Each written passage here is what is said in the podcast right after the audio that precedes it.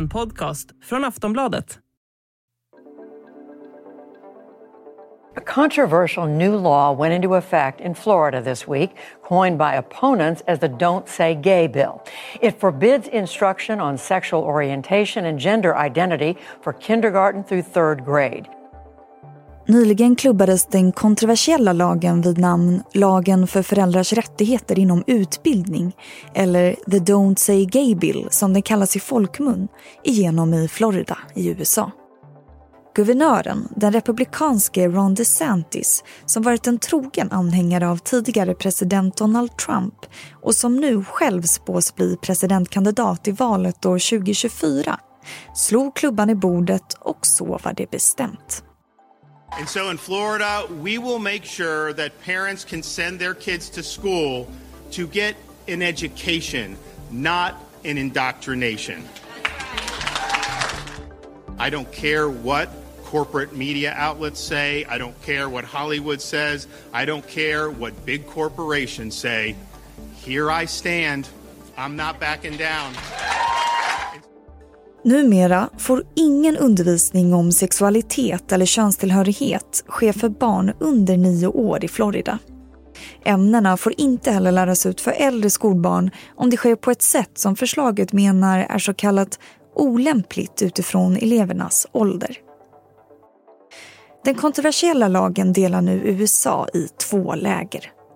President Joe Biden kallar den för the hateful bill och hbtqi-världen ser den som en attack riktad mot dem. Men den konservativa högern är nöjd. Det som får snurr på hela historien ytterligare är att mitt i allt detta står en lite otippad spelare och sträcker på halsen. Disney. Ja, Disney har gått ut och tagit avstånd från den nya lagen.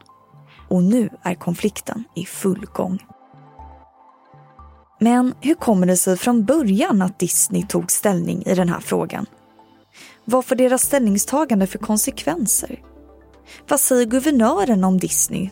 Och kan lagen komma att ändras nu, nu när det är så många som kritiserar den? I dagens Aftonbladet Daily reder vi ut allt kring Disneys ställningstagande och den nya kontroversiella lagen i Florida. Jag heter Vilma Ljunggren.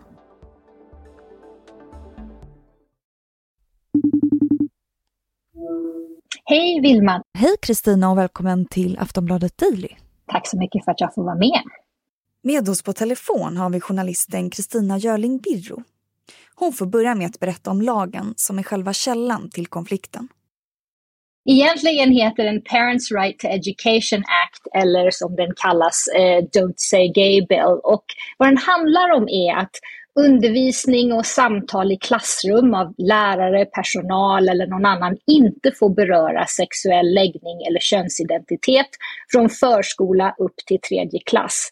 Men det är så vagt beskrivet. Alltså, det får inte göras på ett sätt som inte är lämpligt för elevens ålder enligt delstatens standard, men sen liksom uttrycks det inget mer. Föräldrar har rätt att anmäla och stämma. Eh, lärare ska outa elever som frågar någonting som har med detta att göra, vilket naturligtvis är en direkt fara till unga LGBTQ-personer och helt homofobiskt. Det är ju helt enkelt så att USA befinner sig i en culture war i brist på ett bättre ord, där så mycket idag handlar om skolan hur ska man lära ut sexuell, eh, sexuell identitet, ras? Vi har pratat mycket om critical race theory. Eh, alltså ett sätt att förstå hur rasism i USA har format landet.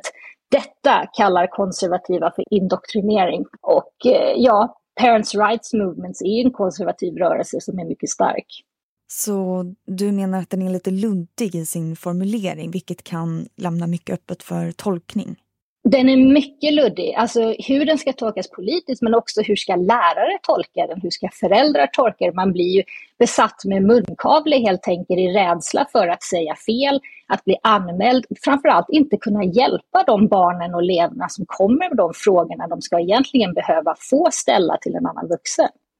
Och de som är för den här lagen, eh, hur argumenterar de? Vad är det de ser positivt med den? De argumenterar ju att föräldrarna ska ju ha rätt till att få ta del av de här frågorna helt enkelt det är ju liksom en sån parents rights movement och att det är en indoktrinering att man ska överhuvudtaget behöva lära sig det här i skolan. Det är samma sak med mycket eh, diskussioner nu kring förbjudna böcker. Den här diskussionen har aldrig varit så stor som den är i USA just nu. Och de böckerna är ofta skrivna av svarta eller LGBTQ-personer. Och den här rörelsen säger helt enkelt att vi vill inte att alltså DeSantos, guvernör DeSantos säger själv Hans citat var, vi kommer att se till att föräldrar kan skicka sina barn till skolan för att utbildas och inte indoktrineras. Så för dem är det här en ren indoktrinering policy. Mm. Och hur har Disney dragits in i allt det här då? Ja, detta beror ju på att Disney World är ju delstaten Floridas absolut största privata arbetsgivare. De äger 10 000 hektar av Florida eh, sedan 1960-talet och de har massor med privilegier. De är alltså i princip ett självstyre med diverse skattelättnader och så vidare. Och så vidare. De har setts i stort som ett konservativt företag. Eh, I Florida har de gett mycket pengar till kampanjen, bland annat 2020 till Republikanerna i Florida och direkt till DeSantis själv. Men det här är en komplicerad fråga i den här culture war för Disney. Och eh, många anställda, LGBTQ och andra, mycket upprörda över den här Don't Say Gay-förslaget som kom och tyckte att deras VD Bob Chapek eh, bad om ursäkt, all, eller satte sig in i den här frågan alldeles för sent.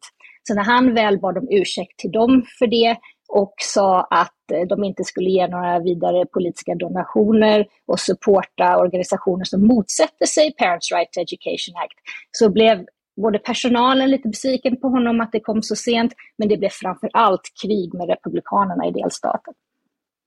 Och har Disney fått några repressalier eller så för sin kritik mot lagen? Mycket. Eh, flera enskilda republikaner har anklagat Disney för grooming och varit pedofiler, eh, vilket naturligtvis är fruktansvärt farligt att eh, koppla detta och väldigt homofobiskt. Tucker Carlson och Fox News har ju liksom inte gett sig med kritiken. Eh, filmer som Soul, Encanto och Röd som har som en bredare representation fortsätter kritiseras för att Disney då har någon slags woke-attityd just nu. Men framförallt också så har ju det precis röstats igenom här från Florida-senaten 23 eh, mot 16 att i princip avsluta det här självstyret jag pratade om. Eh, och det är nu upp till DeSantis själv att formulera hur det här ska se ut och hur det här självstyret ska avslutas. Aftonbladet Daily är snart tillbaka.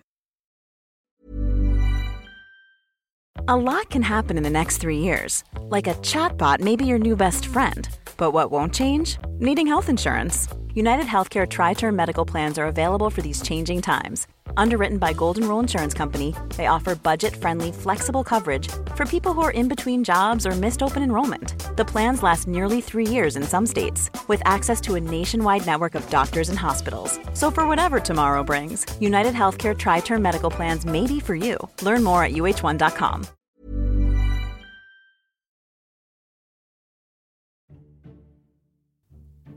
Disneys nöjesparker är stora turistmagneter och i Florida är de dessutom delstatens allra största arbetsgivare. I företagets nöjesparker arbetar tusentals människor med att sälja glass, sköta kassan, hålla budget eller kanske klä ut sig till exempelvis Kalle Anka eller Mimmi Pigg. Med tanke på Disneys storlek i Florida borde inte guvernören vara mån om vad de tycker. Vi hör Kristina Görling Birro igen om vilken maktfaktor Disney kan sägas utgöra i delstaten. De är absolut en enorm ekonomisk maktfaktor som anställer uppåt 77 000 personer. Men jag skulle vilja säga att om det här självstyret så att säga avslutas så är det framförallt de vanliga, de lokala skattebetalarna i det här området som kommer behöva ta över det som Disney har haft innan och det kommer ju bli en, ett enormt problem. Eh, och visst, Disney har en jättestor ekonomisk makt med turismen, med sina cruise lines och så vidare, men den konservativa rörelsen är mycket, mycket stark. Och just nu är de ute efter straff helt enkelt. Och det man tror och spekulerar i att de här Orange Counties och de här olika delarna där Disney befinner sig nu kommer försöka det kommande året att ha diskussioner och göra detta eh, försöka komma till någon slags överenskommelse där inte allting behöver förändras allt för mycket. Och för den som inte är helt insatt i hur amerikansk politik funkar. Joe Biden har ju fördömt den här lagen, men ändå har den gått igenom. Hur går det ihop? Ja, det är så enkelt som att det här är en statlig fråga och det röstas fram av Floridas senat. Så att det är liksom självbestämmande inom staten? Mm. Exakt, precis. Och det är ju inte bara Disney som har tagit ställning i den här frågan. Det är ju jättemånga som demonstrerar mot den. Hur stor skulle du säga att den här diskussionen har blivit i USA? Det är en stor diskussion, en politisk fråga, en enorm diskussion bland demokraterna. Vi ser det i tv, eh, Fox News och CNN, eh, även på andra sidan, alltså stjärnor, Amy Schumer, man, man pratade och skämtade om det på Oscarsgalan. Så naturligtvis så figurerar det här mycket och har varit eh, en enorm diskussion som dessutom kommer leda rätt in i midterm election som kommer nu alldeles strax, som är mitt emellan de stora valen så att säga. Liknande lagar gällande sexualundervisning i skolan har ju diskuterats eller tillkommit även i andra länder under de senaste åren. Kan man kalla det här för en våg eller en rörelse? Absolut en våg, men man behöver inte ens lämna USA för att se eh, att lagförslag och eh, den här typen av bills mot LGBTQ-personer och kvinnors rättigheter kommer tätt. Alabama, Ohio och Louisiana funderar själva på att anta en sån här eh, Don't say gay bill. Eh, och bara denna veckan kan vi se det läckta utkastet från högsta domstolen att riva abortlagen. Alltså de konservativa vindarna blåser hårt. Tror du att de här stora protesterna som ändå har varit kan leda till någon förändring gällande lagen? Ja, jag vet inte. Jag tror att vi är inne i och kommer fortsatt, eh, speciellt då när vi kommer mot midterm elections, vara i infekterade debatter eh, där den här typen av fråga eh, kommer att brinna. Det kommer vara högljudda protester och eh, från alla håll kommer vi ju se, men jag tror att vi är inne för ett fortsatt lång period av diskussioner kring de här frågorna. Ja, vi får se vad som händer. Tack så mycket Kristina Görling Birro för att du gästade oss. Tack själv. Du har lyssnat på Aftonbladet Daily med journalisten Kristina Görling Birro och med mig, Vilma Ljunggren. Tack för att du har lyssnat och vi hörs snart igen.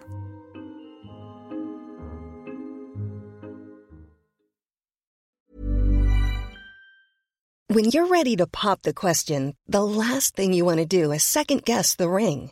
At BlueNile.com you can design a one-of-a-kind ring with the ease and convenience of shopping online. Choose your diamond and setting. When you find the one, you'll get it delivered right to your door. Go to Bluenile.com and use promo code LISTEN to get $50 off your purchase of $500 or more. That's code LISTEN at Bluenile.com for $50 off your purchase. Bluenile.com code LISTEN. Du har lyssnat på en podcast från Aftonbladet. Ansvarig utgivare är Lena K Samuelsson. Tired of ads barging into your favorite news podcasts? Good news. Ad-free listening is available on Amazon Music. For all the music plus top podcasts included with your Prime membership. Stay up to date on everything newsworthy by downloading the Amazon Music app for free or go to amazon.com slash news ad free. That's amazon.com slash news ad free to catch up on the latest episodes without the ads.